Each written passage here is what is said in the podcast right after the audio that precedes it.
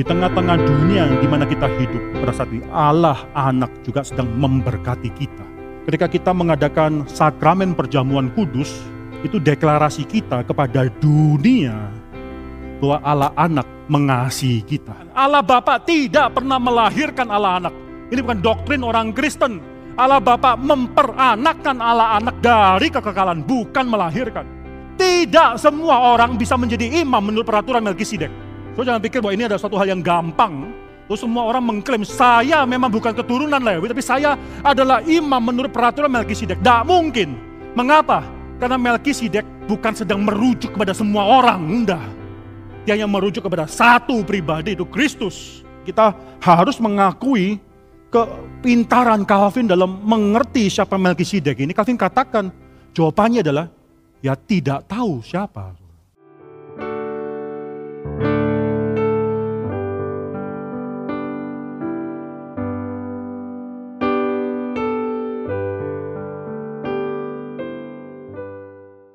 Saudara hari ini kita akan melanjutkan eksposisi kitab daripada Ibrani.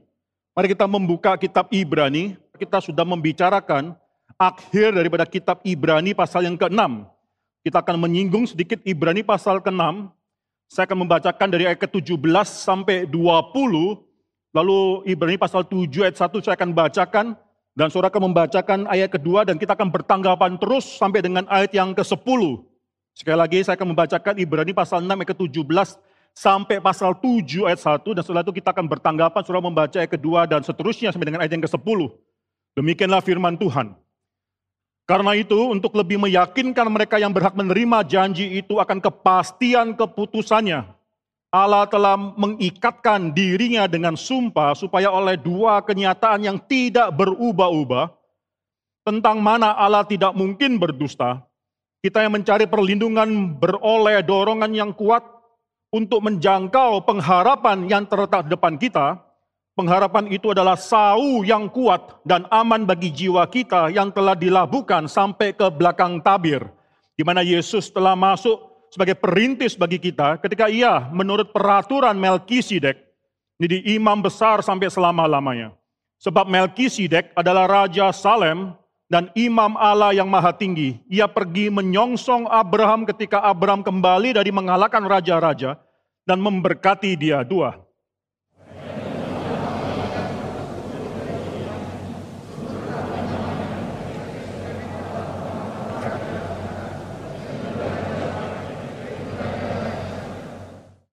Ia tidak berpapa, tidak beribu, tidak bersilsilah, harinya tidak berawal, dan hidupnya tidak berkesudahan. Dan karena ia dijadikan sama dengan anak Allah, atau karena ia menyerupai anak Allah, translation lainnya, ia tetap menjadi imam sampai selama-lamanya.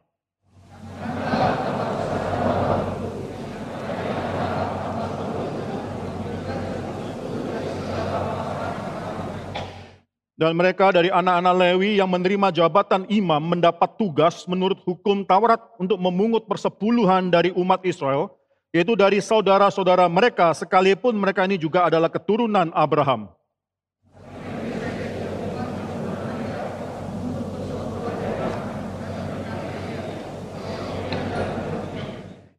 Memang tidak dapat disangkal bahwa yang lebih rendah diberkati oleh yang lebih tinggi,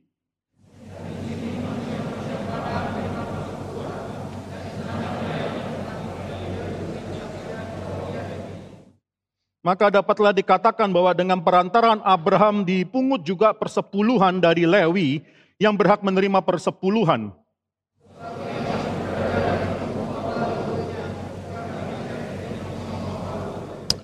Saudara mari kita buka juga kitab kejadian pasal 14. Kitab kejadian pasal 14. Ya, kita akan membaca dari ayat yang ke-17 sampai dengan ayat yang ke-24. Saya membaca 17, saudara membaca 18 dan seterusnya.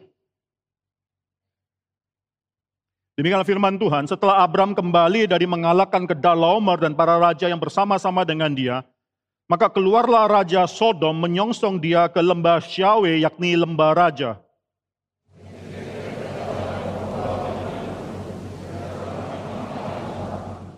Lalu yang memberkati Abram katanya diberkatilah kiranya Abram oleh Allah yang maha tinggi pencipta langit dan bumi.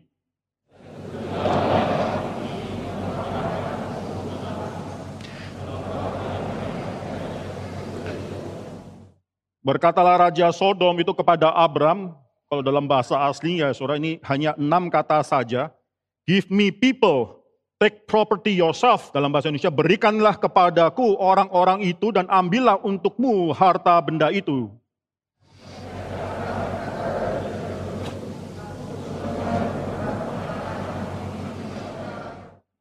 Aku tidak akan mengambil apa-apa dari kepunyaanmu itu, sepotong benang atau kali kasut pun tidak, supaya engkau jangan dapat berkata, aku telah membuat Abram menjadi kaya.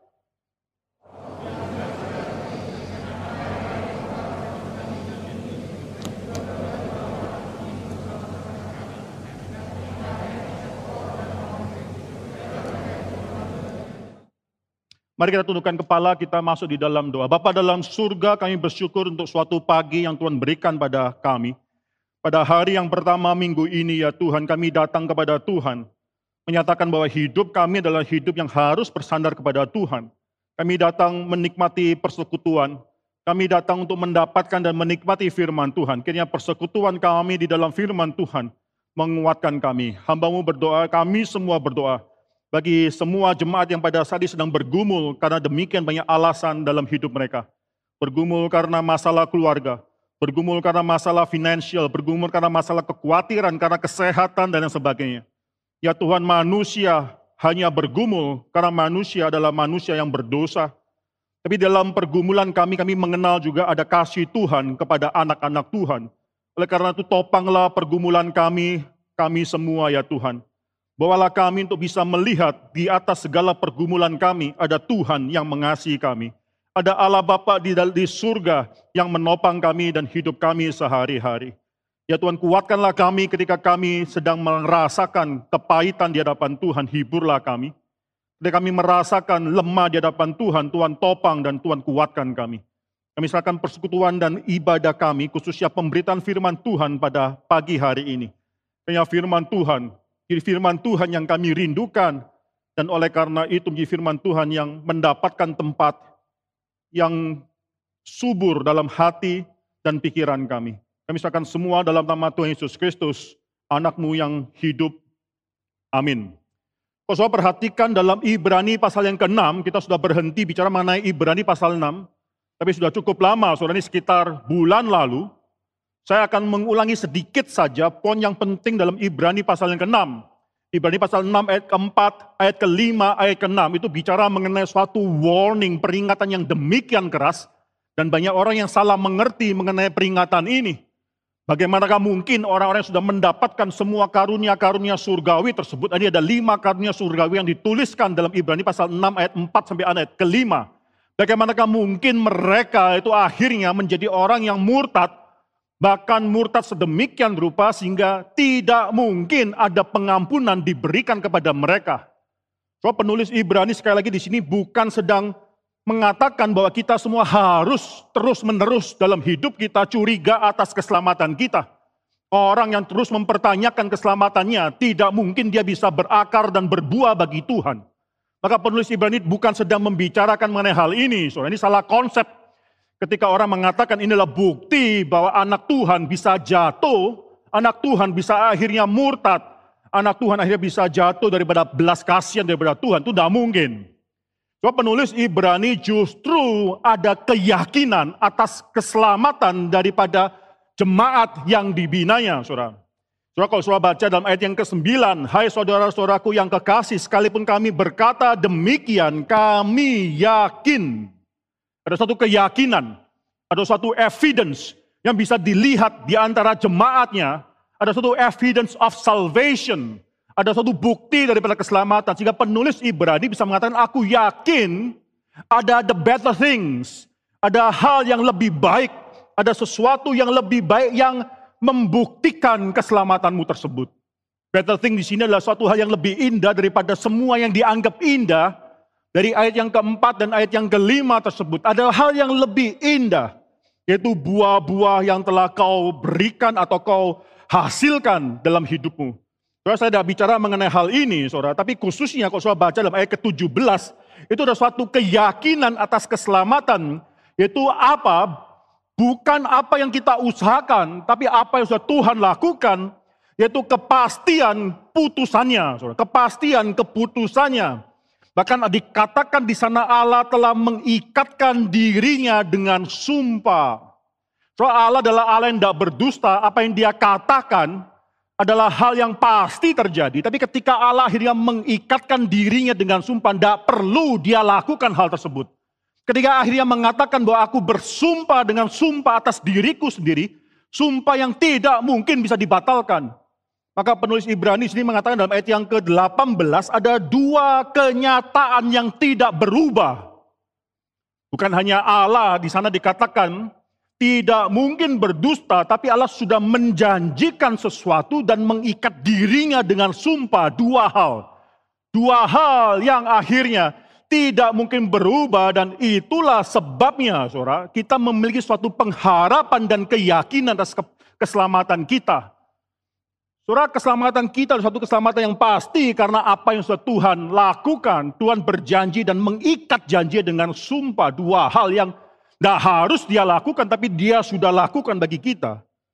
Dan saudara perhatikan di sini, saudara, pengharapan tersebut, kalau saudara baca ayat yang ke-19, itu demikian yakin, itu pengharapan dikatakan adalah sebagai satu sahu yang kuat, satu jangkar yang kuat.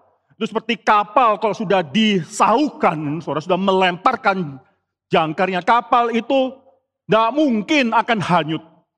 Nggak mungkin akan hilang kapal itu demikian secure karena jangkar yang disaukan tersebut. Tapi saudara sau yang kita lemparkan ini bukan ke dunia ini yang sedang bergerak. Ke dunia ini yang akan dihakimi oleh Tuhan. Sau yang ada ini sudah kita lemparkan bahkan dilabuhkan sampai ke belakang tabir. Kita lemparkan ke atas. Sau tersebut kita lemparkan ke atas ke tempat yang paling maha kudus tersebut, di mana Yesus telah masuk sebagai perintis bagi kita. Yesus telah masuk sebagai satu perintis bagi kita, dan akhirnya dia menjadi imam besar sampai selama-lamanya. So, Ibrani pasal ke-6, walaupun ada suatu peringatan yang sangat keras, itu tidak diakhiri hanya dengan kepastian akan keselamatan, tapi diakhiri dengan suatu fakta bahwa Yesus adalah imam besar untuk selama-lamanya. Itulah penutup daripada Ibrani pasal yang ke-6. Saudara di sana dikatakan menurut peraturan Melkisedek bahwa imam besar Yesus adalah imam besar untuk selama-lamanya. Saudara, kata Melkisedek itu bukan untuk pertama kalinya keluar dalam Ibrani pasal 6 ayat ke-20 atau Ibrani pasal 7 ayat yang pertama. Mengenai peraturan Melkisedek sudah keluar berkali-kali dan Ibrani paling sedikit bicara mengenai lima kali bahwa Kristus adalah imam menurut peraturan Melkisedek. Coba kita perhatikan, saudara. Ibrani pasal 5 ayat ke-6. Di sana dikatakan engkau Kristus anak Allah adalah imam untuk selama-lamanya menurut peraturan Melkisedek. Ibrani pasal 5 ayat 10, ia dipanggil menjadi imam besar oleh Allah menurut peraturan Melkisedek itu kedua kali. Ibrani 6 ayat yang ke-20, Yesus menjadi perintis bagi kita ketika ia menurut peraturan Melkisedek menjadi imam besar untuk selama-lamanya. Kali yang keempat, saudara adalah pasal 7 ayat yang ke-11.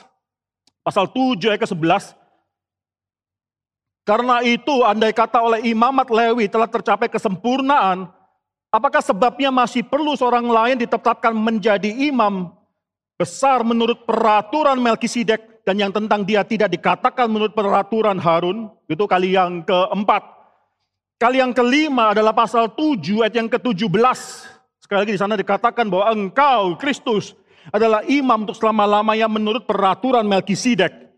Saudara ada satu ayat lagi yaitu ayat yang ke-15. Bukan bicara mengenai Kristus adalah imam menurut peraturan Melkisedek. Tapi menurut cara Melkisedek, in the likeness of Melkisedek. Pasal 7 ayat ke-15. Hal itu jauh lebih nyata lagi jika lo ditetapkan seorang imam lain menurut cara Melkisedek. Jadi ketika bicara mengenai Kristus adalah imam menurut peraturan atau cara Melkisedek, Ibrani, penulis Ibrani mencatat enam kali berkenan dengan hal ini. Setelah pasal 7, dia berhenti bicara mengenai Melkisedek.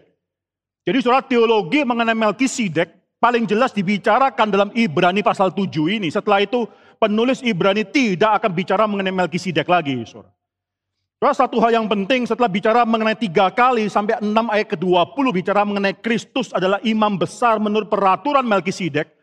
Sekarang dia akan bicara pertama kali ayat pertama pasal 7 ayat 1 bicara mengenai Melkisedek, Saudara.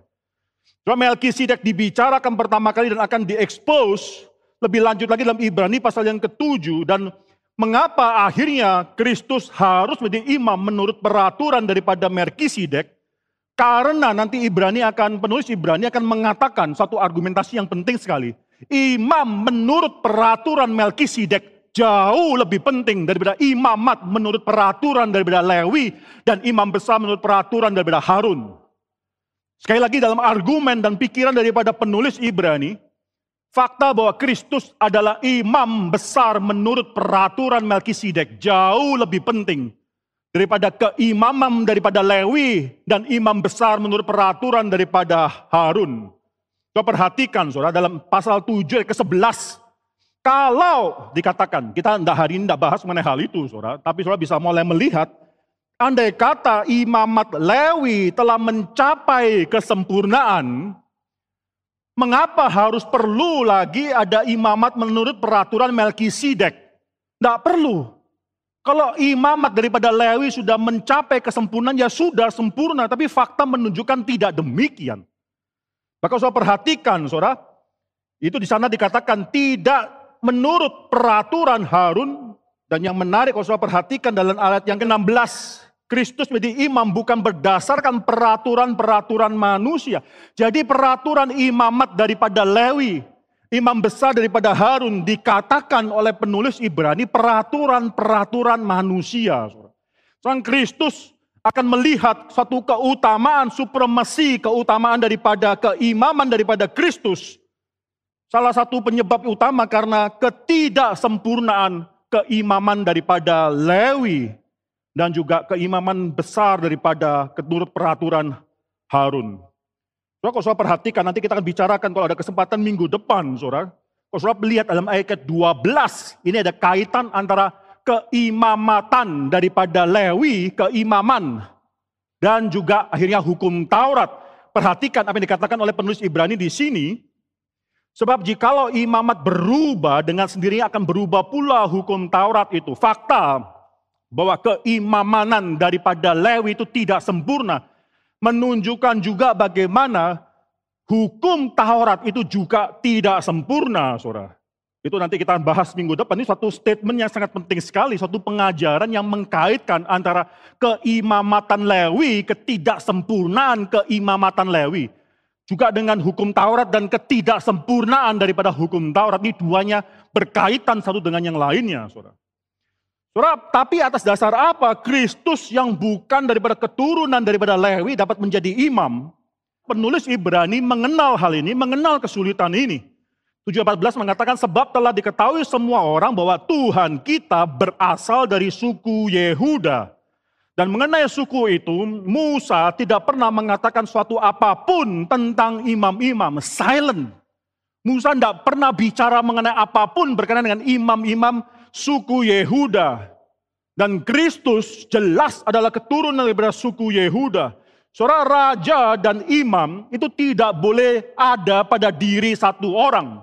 Jabatan raja dan jabatan imam itu tidak boleh dalam diri satu orang. Ini suatu posisi yang kalau terjadi adalah suatu kemungkinan itu bisa di-abuse sedemikian rupa. Raja itu bicara kerajaan dunia ini bicara mengenai suatu hal yang sementara dalam dunia ini. Jabatan keimaman itu bicara mengenai dunia yang akan datang. Dua hal ini tidak boleh dipegang dalam diri satu orang. Soalnya banyak contoh dalam dunia berkenan dengan usaha-usaha manusia untuk akhirnya memegang kedua jabatan ini. Julius Caesar, saudara pada tahun 44 BC sebelum Masehi, dia akhirnya diangkat menjadi diktator seumur hidup oleh Senat dia dijadikan diktator seumur hidup pada bulan Februari 44 sebelum Masehi. Kira-kira satu bulan kemudian 15 Maret tahun yang sama 44 sebelum Masehi akhirnya dia diasasinasi oleh lebih daripada 6, sekitar lebih daripada 60, 63 senator orang kota di Romawi itu membunuh dia, sama-sama membunuh dia dengan suatu pedang atau apa knife, uh, pisau yang disimpan dalam toga, disembunyikan dalam toga. Lalu dia berjalan dan akhirnya 63 senator itu menusukkan pisaunya ke dalam tubuh Julius Caesar. Legenda mengatakan, saudara suatu hari ada seorang peramal yang mengatakan pada Julius Caesar bahwa pada tanggal 15 Maret, ini sebelum tanggal tersebut terjadi, ada suatu malapetaka yang akan datang kepadamu pada tanggal 15 Maret. Julius Caesar ketawa, dia tidak percaya dengan ramalan tersebut. Lalu suatu hari pada tanggal tepat 15 Maret, dalam perjalanannya pergi ke suatu teater di Pompei, saudara. Dia bertemu dengan peramal itu dan dia katakan, sekarang sudah 15 Maret.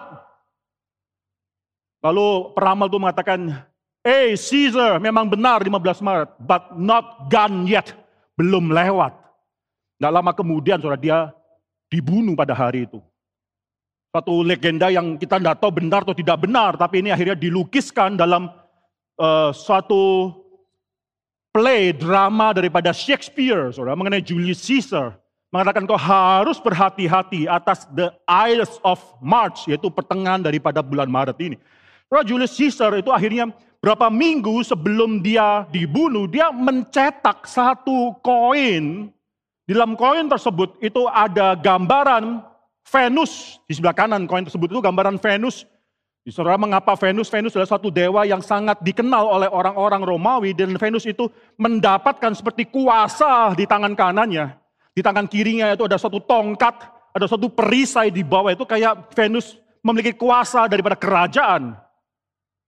Tapi kalau saya perhatikan di belakang koin tersebut itu adalah gambaran daripada Julius Caesar. Dia menggunakan suatu covering di kepalanya menutupi kepalanya, itu menandakan bahwa dia menjalankan fungsi imam, saudara. Dia menganggap diri sebagai Pontifex Maximus, the high priest. Saudara, lama kemudian setelah koin ini dicetak, ini koin dikenal sebagai the coin that killed Caesar. Koin yang akhirnya membunuh Caesar. Dan lama setelah koin ini dicetak, dia dibunuh oleh Brutus dan kawan-kawannya di dalam senat sejumlah 60 lebih senator membunuh Caesar, saudara. Karena dia menganggap diri memiliki kekuasaan yang absolut atas politik dan atas hidup keagamaan. Ini koin yang akhirnya dikatakan membunuh Kaisar, Caesar, Julius Caesar. Saudara, tidak lama setelah Julius Caesar dibunuh, maka kerajaan Romawi tersebut itu akhirnya jatuh di dalam perang saudara civil war yang berkelanjutan sampai 17 tahun. Dan tidak lama setelah itu Roma, kerajaan Roma itu berubah daripada republik menjadi emperor, menjadi empire, menjadi kerajaan, dipimpin oleh emperors. Ini suatu sejarah yang menarik sekali di dalam hidup dari kerajaan Romawi. So kita bisa melihat juga Middle Ages, abad pertengahan, itu ada perebutan kekuasaan antara orang-orang raja-raja dunia dan suatu kepemimpinan daripada gereja kepausan, saudara. Saudara, pada abad yang ke-13, Paus Boniface yang ke-8, pada abad ke-13 dia mengeluarkan suatu ketetapan paus yang bernama Unam Sanctum dan mengatakan bahwa adalah suatu hal yang harus bagi keselamatan seluruh umat manusia untuk akhirnya tunduk kepada paus di Roma. Dia katakan kalimat ini khususnya juga kepada Raja Philip IV dari Perancis. Raja Philip IV memegang kekuasaan politik. Dia katakan adalah suatu hal yang harus bagi keselamatan seluruh umat manusia termasuk raja sekalipun. Untuk menundukkan dirinya kepada kepemimpinan daripada paus, kepada paus di Roma. Saudara, tidak lama kemudian Philip IV langsung menuduh Boniface ke-8, Paus Boniface 8 sebagai orang yang immoral, orang yang heretik dan bahkan mengirimkan tentaranya, Perancis kirimkan tentaranya pergi ke Italia, pergi ke Roma untuk menangkap paus. Coba lihat siapa yang lebih berkuasa. Engkau mengatakan kau berkuasa, aku kirimkan tentaraku dengan kekuasaan militerku, aku kirimkan dan aku menangkap engkau. Dan mungkin saudara pernah tahu bahwa kepausan Roma itu pernah pindah daripada Roma, kota Roma, Italia, daripada Vatikan, pindah ke Avignon, saudara selama lebih daripada 60 tahun itu berada di Perancis. Dan di sana saudara nanti Clement, Clement yang menggantikan daripada Clement V yang menggantikan Boniface itu akhirnya mengangkat 23 kardinal Perancis menjadikan kardinal mayoritas orang-orang Perancis. Mengapa ini penting? Untuk berapa tahun selanjutnya kardinal adalah kelompok yang sangat penting sekali. Mereka yang akan mengangkat paus untuk berapa tahun selanjutnya paus itu diangkat oleh kardinal-kardinal orang Perancis yang dikatakan bisa dikatakan tunduk kepada Philip keempat raja Perancis, Saudara. So, berapa tahun selanjutnya, saudara kardinal-kardinal itu tunduk kepada raja-raja di Perancis dan mereka mengangkat paus-paus yang dari Perancis. Bahkan sejarah akan menunjukkan bagaimana nanti itu berapa tahun ke depan itu salah satu cikal bakal dari reformasi. Karena ada empat paus dalam satu waktu yang sama. Bayangkan saudara. Empat paus dalam satu waktu yang sama. Satu paus saling mengekskomunikasikan paus yang lain. Wah luar biasa, paus mengekskomunikasikan paus yang lain, dibalas dengan paus itu mengekskomunikasikan dia. Ini mengapa Calvin mengatakan bahkan bahkan konsili gereja, bahkan gereja, bahkan paus sendiri bisa melakukan kesalahan. Mengapa paus harus jadi sumber daripada kebenaran? Saudara Petrarch pernah mengatakan ini satu periode dalam hidup daripada gereja, mengatakan bagaimana kepausan daripada Roma itu sedang exile sedang dalam pembuangan keluar daripada Roma, daripada Vatikan, pergi ke suatu tempat pembuangan dan di sana kepausan harus tunduk kepada perintah-perintah daripada dunia. Saudara, hal ini saudara, kekuasaan dunia dan kekuasaan daripada hidup yang kekal gereja, hidup dunia yang akan datang itu selalu diperebutkan, saudara, selalu diperebutkan. Saudara, sepanjang sejarah orang mau memiliki kedua hal ini. Tidak heran kalau sering kali politik menggunakan agama, memperalat agama, itu tidak heran. Berapa bulan yang lalu, saudara Trump, ini banyak orang yang mengkritik Trump oleh karena ini. Trump, di tengah-tengah riots yang terjadi di Washington DC, dia akhirnya bersama dengan jenderalnya, dia pergi ke suatu gereja. Di gereja tersebut, dia akan mengambil foto dan dia akan pegang Alkitab. Mungkin Alkitab yang tidak pernah dia baca. Dia pegang Alkitab tersebut, di tengah, di depan gereja, di pintu gereja, dia mengambil foto. Itu dikritik habis-habisan oleh lawan daripada Trump. Mengapa? Itu menggunakan agama untuk kepentingan politik, saudara. Orang suka menggunakan, mempermainkan kedua hal ini. Tapi mengapa Yesus yang keturunan Yehuda daripada seharusnya menghasilkan raja bisa menjadi imam? Yesus bukan keturunan Lewi, mengapa Yesus bisa menjadi imam? Jawabannya dalam Ibrani pasal 7 ayat yang ke-16, saudara. Kita bicarakan lebih lanjut dalam waktu-waktu yang ke depan, saudara. 716. Yang menjadi imam bukan karena berdasarkan peraturan-peraturan manusia, tetapi berdasarkan hidup yang tidak dapat binasa. Apa maksudnya di sini? Memang benar. Ketika Yesus naik ke atas kayu salib, dia sedang menjadi korban. Dia menjadi korban yang demikian agung, demikian besar. Anak Allah mati di atas kayu salib menjadi korban. Dan jangan salah, saudara-saudara harus ingat, Hari di mana Yesus mati di atas kayu salib adalah hari di mana orang Israel mengkorbankan korban sembelihannya. Itulah Passover, Pasca, hari Pasca yang orang Israel. Ketika mereka sedang mempersembahkan, menyembelih korbannya. Allah anak sedang disembeli di atas kayu salib. Itu jadi satu korban besar. Yesus menjadi imam besar bukan karena dia mempersembahkan korban besar. Itu penting. Tapi Alkitab di sini Ibrani mengatakan dia menjadi imam besar karena kebangkitannya. Sia-sialah iman kita kalau Yesus tidak pernah bangkit, saudara. Sia-sialah semua pengharapan kita kalau Yesus tidak pernah bangkit dari antara orang mati. Kebangkitan Yesus yang kita rayakan setiap hari Minggu adalah suatu kebangkitan yang membuktikan kepada dunia ada satu pengharapan bahwa Kristus anak Allah telah mengalahkan dosa dengan mati untuk dosa dan dibangkitkan untuk pembenaran kita.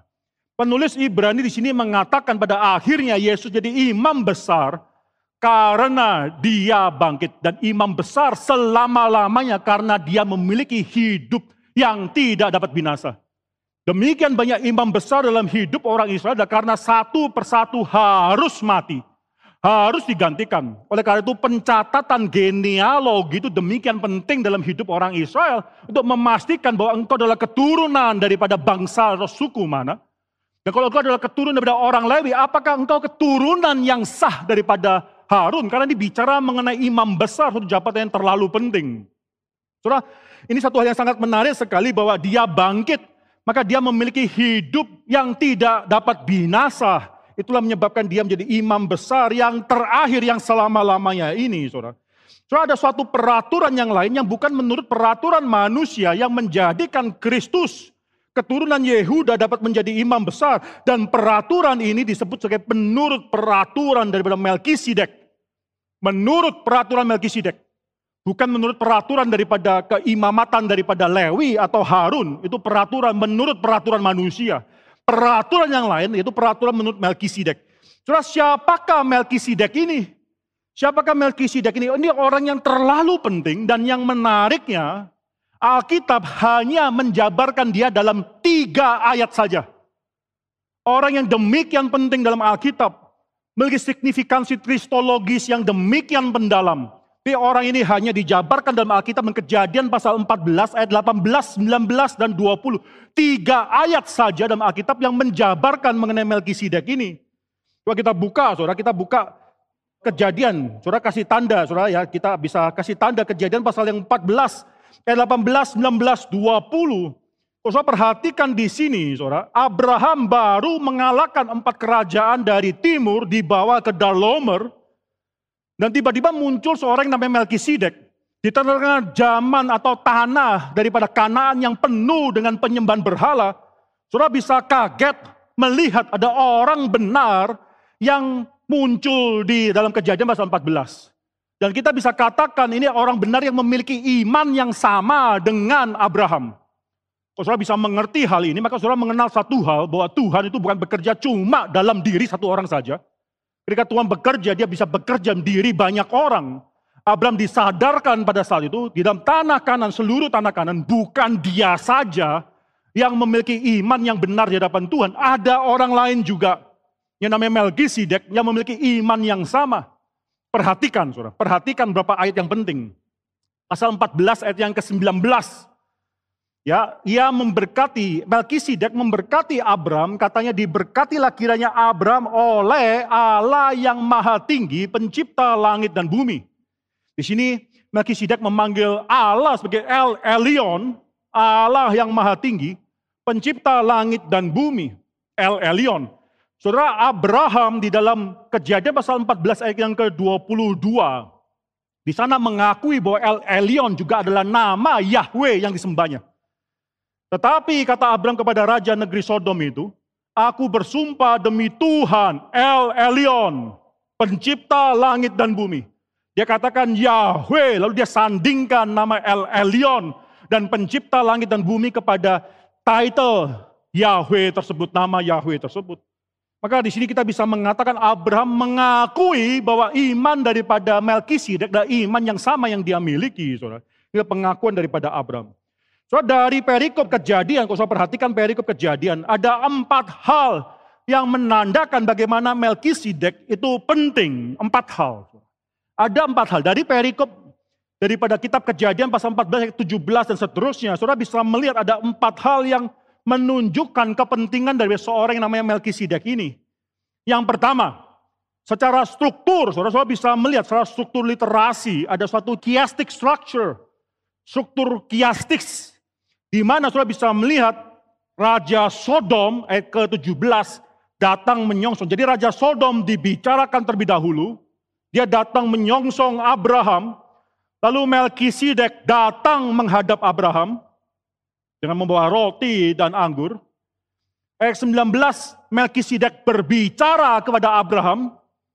Baru nanti ayat yang ke-21, Raja Sodom berbicara kepada Abram. Jadi saudara susunannya chiastic structure-nya adalah Raja Sodom datang menyongsong Abram terlebih dahulu, bertemu dengan Abram terlebih dahulu.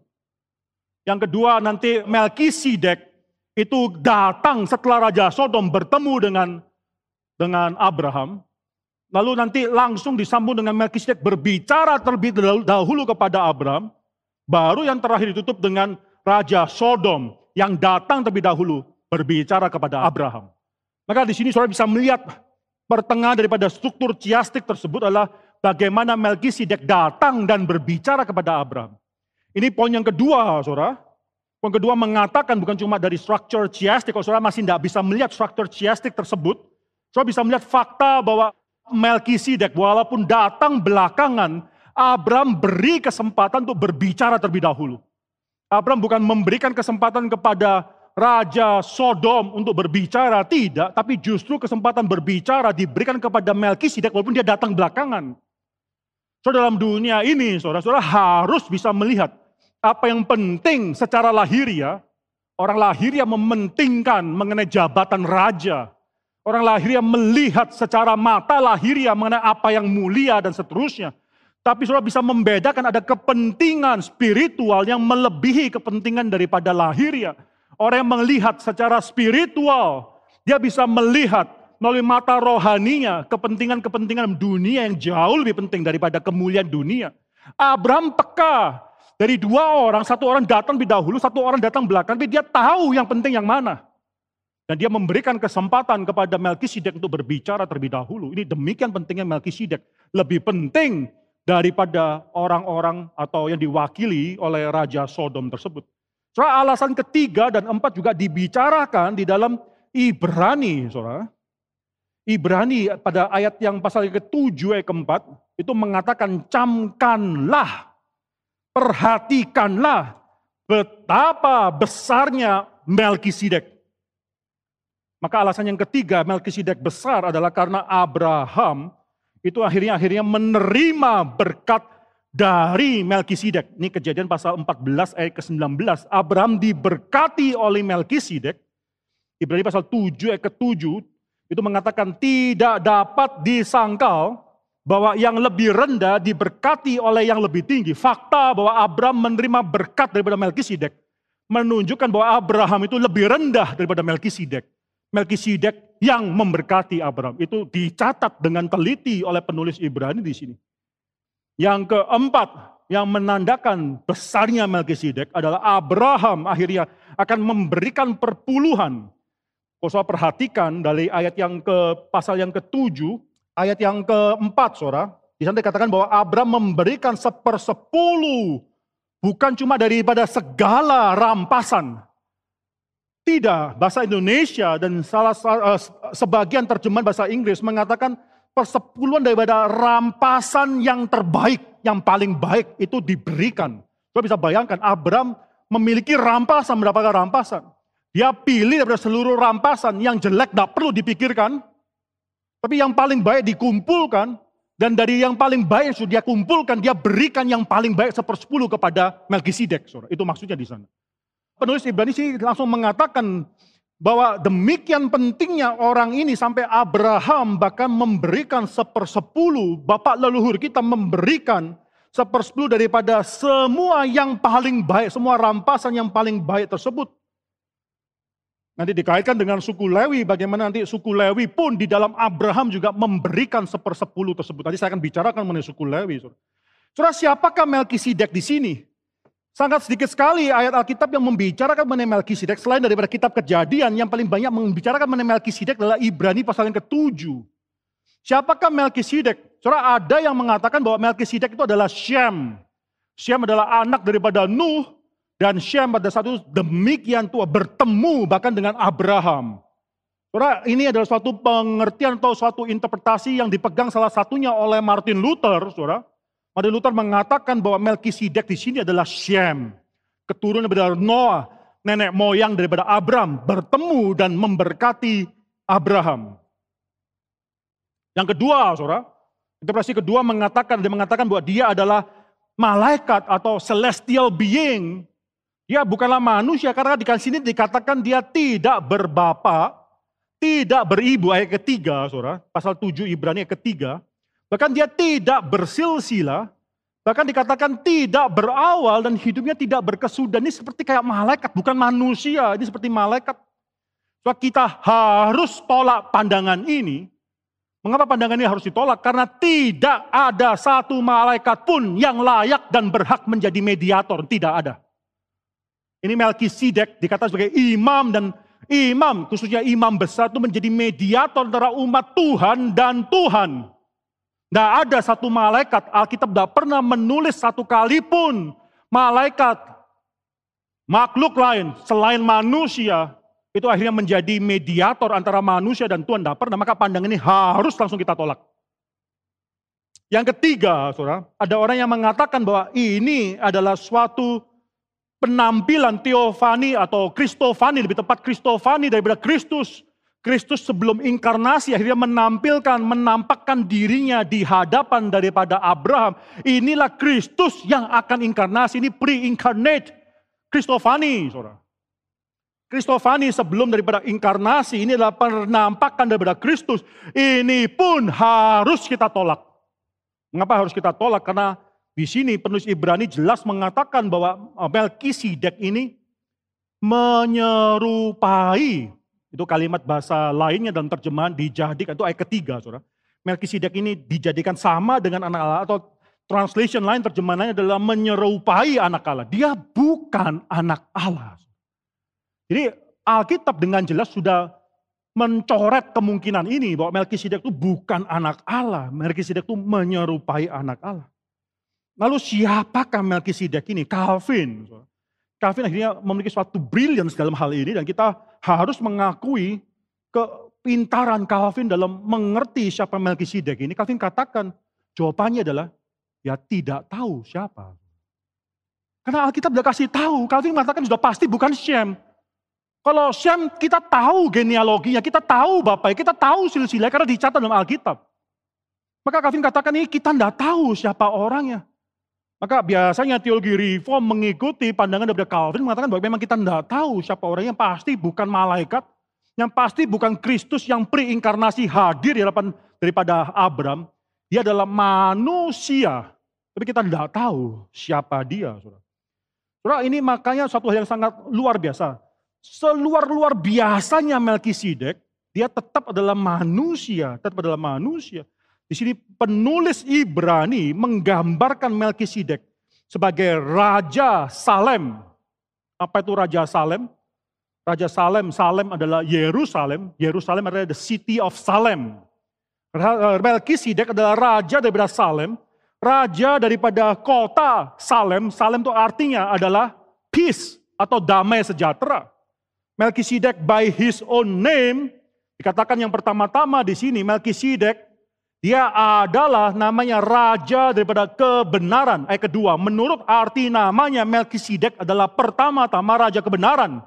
Dan juga raja Salem yaitu raja damai sejahtera. Jadi pengertian mengenai nama Melkisedek ini dan jabatan yang dia miliki itu menyatakan siapa dia, raja kebenaran dan raja daripada damai sejahtera. Soal Melkisedek ini tidak berayah, tidak beribu, tidak bergenealogi, Bahkan dikatakan tidak berawal dan hidupnya tidak berkesudahan. Saudara, diamnya catatan sejarah berkenan dengan Melkisedek itu menjadikan hal ini Melkisedek important, penting sekali. Maka Melkisedek dikatakan, ini sangat menarik sekali, ini sangat penting sekali, saudara. Melkisedek dikatakan sebagai suatu figur dari Kristus yang akan datang. Coba, coba perhatikan ke Ibrani pasal 7 ayat ketiga, ia tidak berbapak, tidak beribu, tidak bersilsilah, harinya tidak berawal dan hidupnya tidak berkesudahan.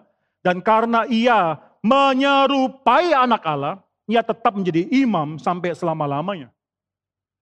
Soal luar biasa. Dalam teologi daripada penulis Ibrani sangat luar biasa sekali.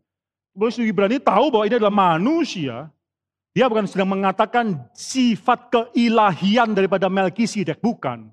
Memang Melkisedek tidak berayah, tidak berbapa, tidak beribu, tidak bersisilah, tidak berawal, tidak berakhir. Itu bukan mengatakan bahwa Melkisedek itu adalah Allah, bukan. Tapi memang kita tidak tahu, tiba-tiba ada orang semacam demikian yang muncul. Dan misterius, kemisteriusan daripada Melkisedek dipakai oleh penulis Ibrani untuk melihat ini seperti figur daripada Kristus. Soalnya kita bisa katakan Kristus pasti tidak beribu, tapi Kristus juga tidak berbapa dengan catatan dalam arti bahwa Allah Bapa, walaupun Kristus memanggil dia juga sebagai Bapa, anak memanggil dia sebagai Bapa. Allah Bapa di sini bukanlah Allah yang melahirkan anak. Ini konsep orang-orang Islam yang sering mempertanyakan kalau demikian siapa ibunya Kristus? Kalau Bapak melahirkan, Allah Bapak tidak pernah melahirkan Allah anak. Ini bukan doktrin orang Kristen. Allah Bapak memperanakkan Allah anak dari kekekalan, bukan melahirkan. So melahirkan itu adalah by the choice of will. Saya menjadi, saya tidak harus menjadi Bapak. Saya dulu adalah orang yang single, tapi saya pernah mengambil keputusan untuk menikah. Setelah menikah pun, saya tidak ada keharusan harus menjadi bapak. Tapi saya pernah mengambil keputusan untuk melahirkan anak bersama dengan istri saya. Saya baru akhirnya menjadi bapak karena keputusan tersebut. Tapi Allah Bapa memperanakan, tidak pernah dikatakan melahirkan. Mengapa? Karena Allah Bapa bukan by the choice of His will memperanakan Allah anak but by the choice of his nature memperanakan Allah anak. Adalah suatu keharusan bagi Allah Bapa untuk memperanakan Allah anak karena dia adalah Bapa dan anak adalah anak. Di sini saudara memang Kristus tidak memiliki Bapa, sedangkan Bapa lahir ya, Ibu lahir ya, dan Kristus tidak bersilsilah, tidak ada sebelumnya, Kristus kekal dari kekal sudah ada. Kristus bukan pada satu saat tertentu baru ada dalam sejarah, tidak. Kristus kekal, tidak berawal dan tidak berakhir.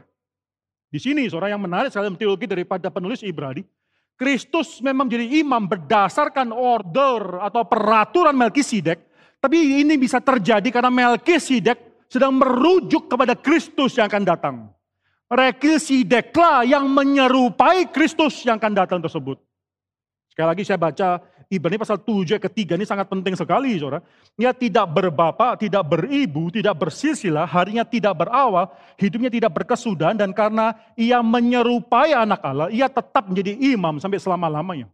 Melkisedek bisa menjadi imam selama-lamanya karena dia menyerupai Kristus.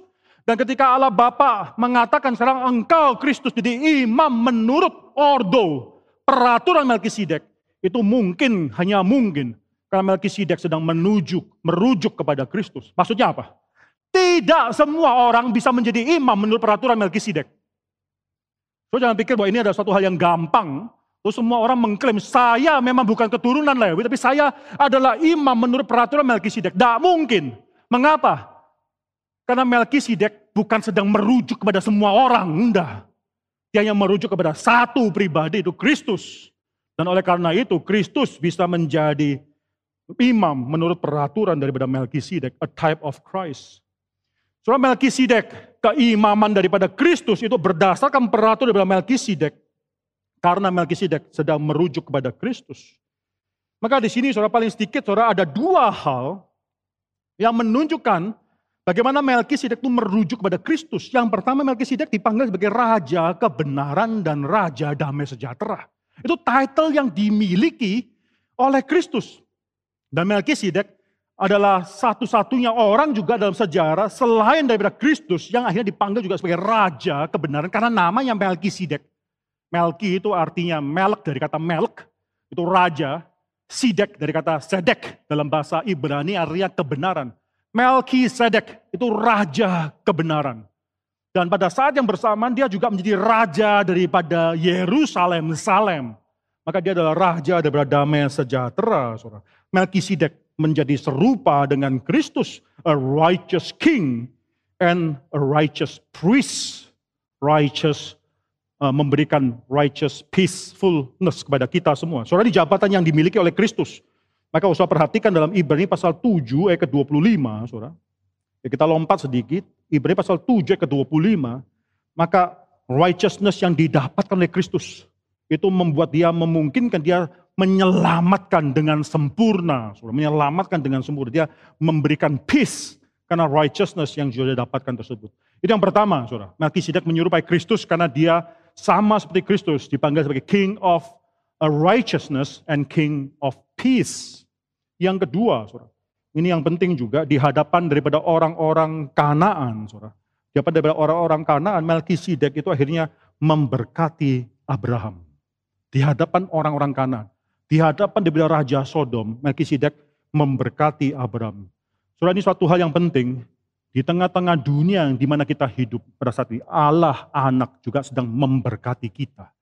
Apa yang dilakukan oleh Melkisedek itu sedang merujuk kepada apa yang dilakukan oleh Kristus. Di tengah dunia ini, saudara.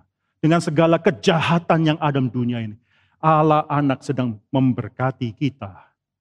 Ketika kita mengadakan sakramen perjamuan kudus, itu bukan dada artinya. Itu deklarasi kita kepada dunia bahwa Allah anak mengasihi kita. Itu deklarasi kita kepada diri kita, kepada dunia. Bahwa kita adalah umat Tuhan yang sedang diberkati oleh belas kasihan daripada Allah anak tersebut. Melkisedek di tengah dunia pada saat itu, tengah orang kanaan yang jahat, yang melawan Tuhan. Melkisedek akhirnya dengan roti dan anggur, dikatakan dalam kejadian pasal 14. Dengan roti dan anggur, dia datang menghadap Abraham dan memberkati Abraham. Satu kejadian yang luar biasa sekali.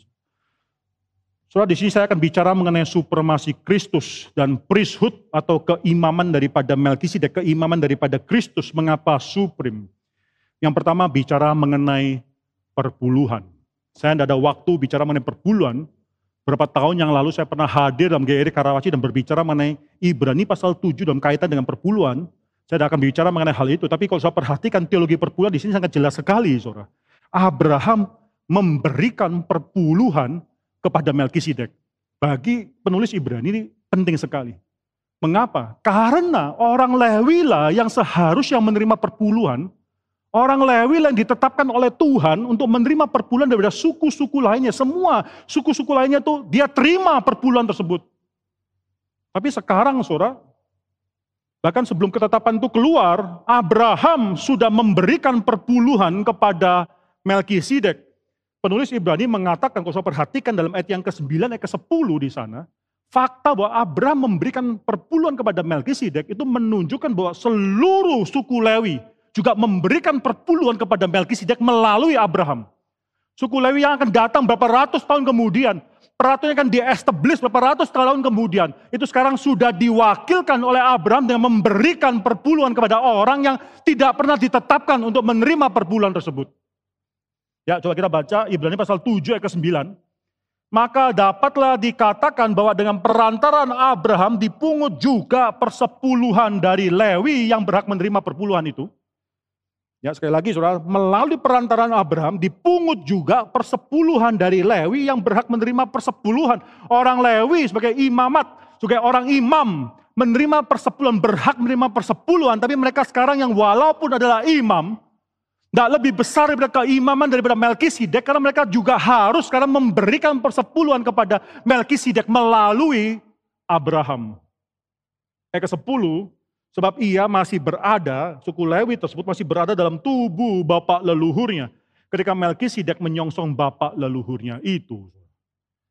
So, perhatikan ini menandakan pada kita, bagi penulis Ibrani, imaman ke imam Melkisedek itu jauh lebih penting, jauh lebih besar pada keimaman dari suku Lewi yang akan ditetapkan berapa ratus tahun kemudian.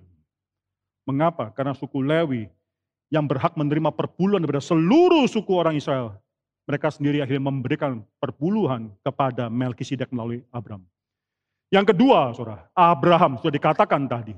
Abraham, fakta bahwa Abraham menerima berkat daripada Melkisedek menandakan bahwa Melkisedek adalah imam yang besar, lebih besar daripada keturunannya. Ini Abraham yang adalah nenek moyang daripada seluruh suku Lewi sendirian mendapatkan berkat daripada imam yang namanya Melkisedek ini menandakan bahwa Abraham menundukkan dan oleh karena itu seluruh keturunannya itu diberkati juga oleh Melkisedek. So Abraham di sini menjalankan fungsi sebagai federal head, kepala daripada seluruh keturunannya.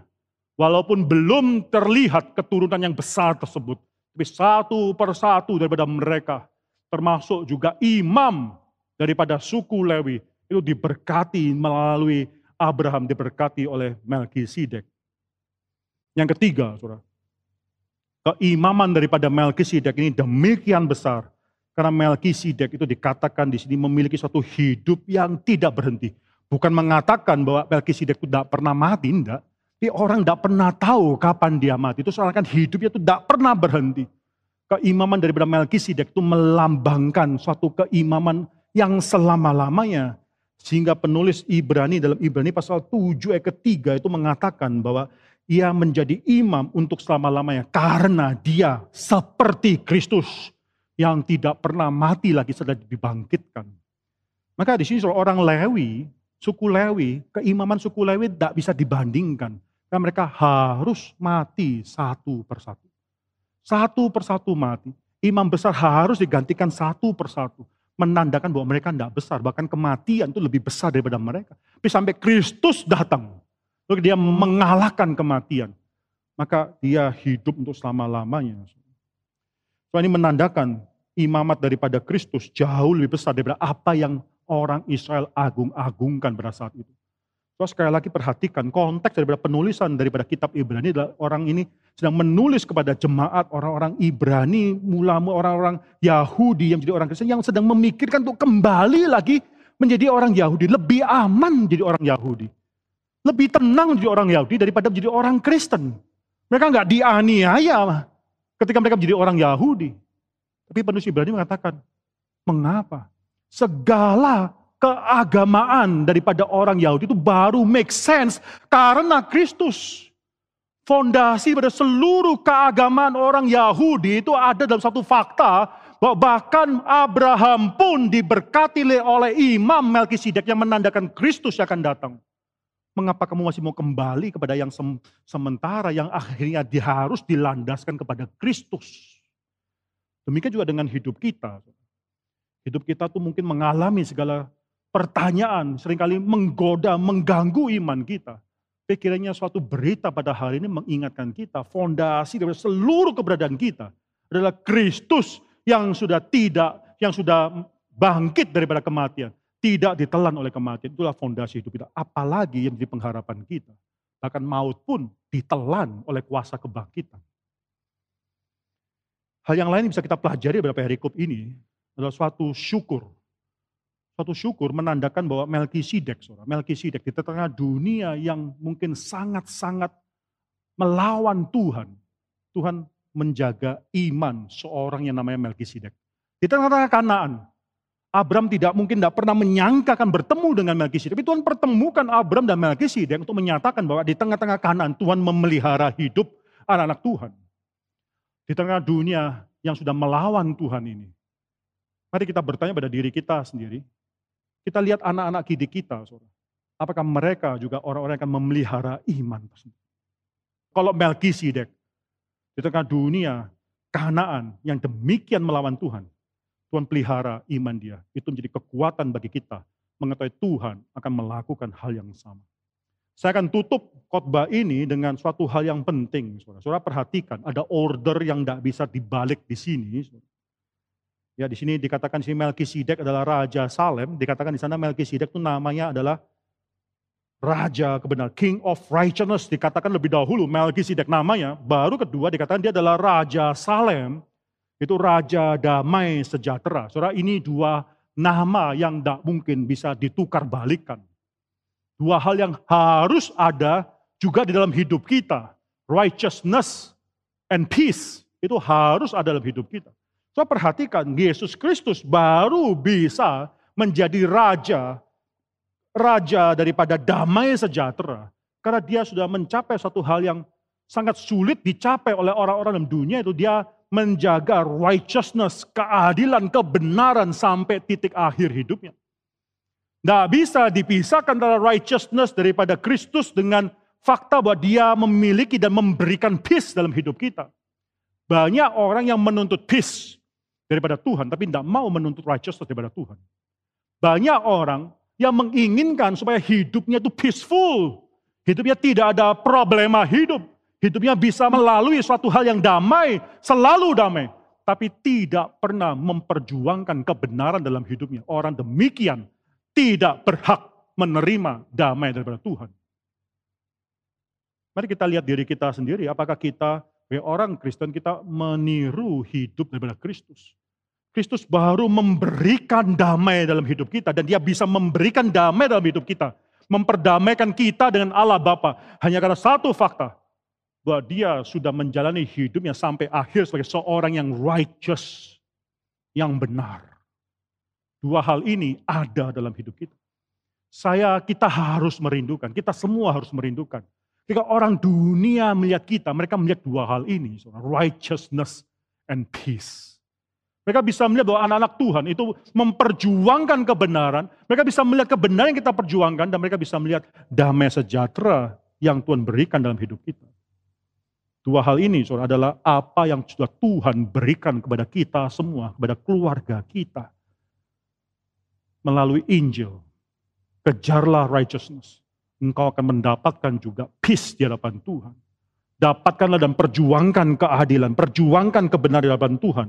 Nah, Tuhan akan memberkati hidup kita. Kedua hal ini, righteousness and peace dalam hidup Kristus yang harus kita miliki dalam hidup kita. Dalam minggu-minggu ke depan, saudara kita akan membicarakan terus. Ibrani pasal 7 ini terlalu limpah bicara mengenai Melkisedek. Nah, setelah Ibrani pasal 7, itu penulis Ibrani tidak lagi bicara mengenai Melkisedek, karena kan sudah menjangkarkan keimaman Kristus pada suatu doktrin yang sudah dia paparkan dengan jelas. Maka kita perlu berdoa supaya kita bisa mengerti mengenai keimaman daripada Kristus. Dialah the righteous king. Dialah yang benar-benar adil sebagai raja.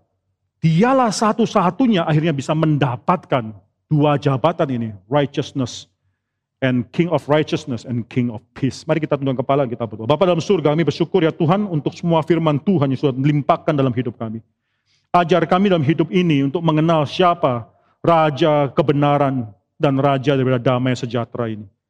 Ajar kami dalam hidup kami untuk bisa menuntut kebenaran dan juga damai sejahtera. Kami tidak meminta damai sejahtera daripada Tuhan ketika kami tidak memperjuangkan righteousness daripada Tuhan. Tapi kita, ketika kami sudah memperjuangkan righteousness, berikan kepada kami damai sejahtera dalam hidup kami. Suami dan istri, orang tua dan anak, siblings, kami meminta damai daripada Tuhan. Bapak, jadikanlah Geri Karawaci, Geri Karawaci yang gereja yang menunjukkan kedua sifat daripada Kristus yang demikian agung. Kami bersyukur karena Tuhan Yesus Kristus adalah imam besar sampai selama-lamanya. Kami bersyukur karena Kristus bukan menjadi imam karena peraturan daripada manusia, tapi karena apa yang Tuhan lakukan dalam diri daripada Melkisedek. Kami bersyukur untuk semua pekerjaan Tuhan. Tengah zaman yang sudah melawan Tuhan ini. Ajar kami untuk bisa mendedikasikan hidup kami, pasangan kami, keluarga kami jadi keluarga yang berkenan di hadapan Tuhan. Kami serahkan semua dalam nama Tuhan Yesus Kristus kami berdoa dan mengucap syukur. Amin. thank you